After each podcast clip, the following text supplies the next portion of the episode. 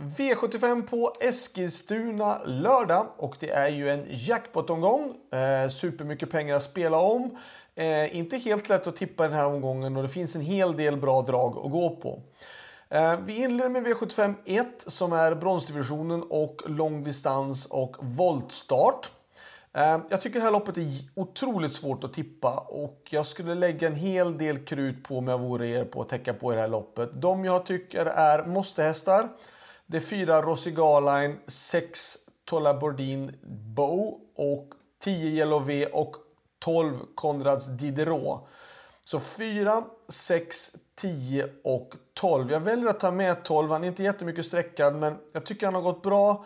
Um, vi hade ju den som drag bland annat på Charlottenlund. Um, jag tycker att det är superintressant med den hästen och att det är sen att det är lång distans gör ju inte hela något sämre. Men 4, 6, 10, 12. Men som sagt rekommenderar att ta flera streck i V75 1. För jag tycker det här loppet är... Det kommer vara positionerna som avgör. V75 2. Eh, där har jag valt att ta nummer 4 Judge D. 6 Greensboro Set. Eh, sen så vill jag med nummer 9 Real Scotch och 10 Linares. Linares är lite sträckad men var otroligt bra. Framförallt då när han vann på Färjestad när senast och gjorde ett toppenlopp ifrån ledningen. Eh, och har nu gjort två raka segrar hos Anders eh, Svanstedt och jag kan tycka att absolut, den hästen måste med på systemet. Jag valde att plocka bort nummer två Lozano di Quattro bara för det att hästen presterade blekt senast. Eh, och den har spår 2 i voltstart och den har inte varit så snabb ut tidigare i volt heller. Eh, och just spår 2, spår 2 och 4 är svåra spår i voltstart. Så att jag har plockat bort den lite av kostnadsskäl också, men framförallt att den var så blek senast. Vill gärna se att den har form först. Så att 4 är jättebra häst, sen då 6, 9 och 10. V75 3, där vill jag med nummer 1, Dakovo Mail.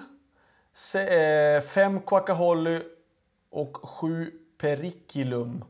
Eh, så att 1, 5 och 7 i avdelning 3. Vill ni ha ytterligare hästar med då ska ni välja mellan nummer 2 Joe Dalton eller nummer 3 Barack Face tycker jag i sådana fall. V75 4, då har jag med nummer 4 Florence från vårt stall. Som, eh, hon är bra, hon känns fin, hon är stark och rejäl. Eh, hon är lite osäker i voltstart, men nu är det nummer 5 Sola Love struken och det gör det hela mycket, mycket bättre för Florence. Ehm, chansen att gå iväg felfritt ökar oerhört och nu är det en överhängande chans på felfritt en galopp tycker jag. Det är alltså stor skillnad när femman blir bortstruken. Ehm, men jag tycker att Florens ska sträckas, absolut. Men jag tycker även att det finns några andra hästar vi ska med. Vi ska med nummer ett, Mahala. Två, Independence Day. Fyra, Florens då såklart. Och nummer sex, Beauty Smart Face vill jag med också. Så att ett, två, fyra, sex. Hästar som står 20 meters tillägg tror jag får svårt faktiskt att komma ikapp. För att de är bra de här hästarna på start och de är på väg upp i klass. Um, så det kommer vara lite svårt för de här från 20 tillägg tror jag. Ska det vara något då så intressant så är det nummer 14 Loaded Laila att Erik Adelsson ska köra den kan jag tycka i sådana fall. Är värt att se upp för i sådana fall. V75 5. Tyngsta spiken, bästa spiken i omgången är det nummer 3 de facto. Uh, möter skapliga hästar men ändå absolut inte i samma nivå som de facto.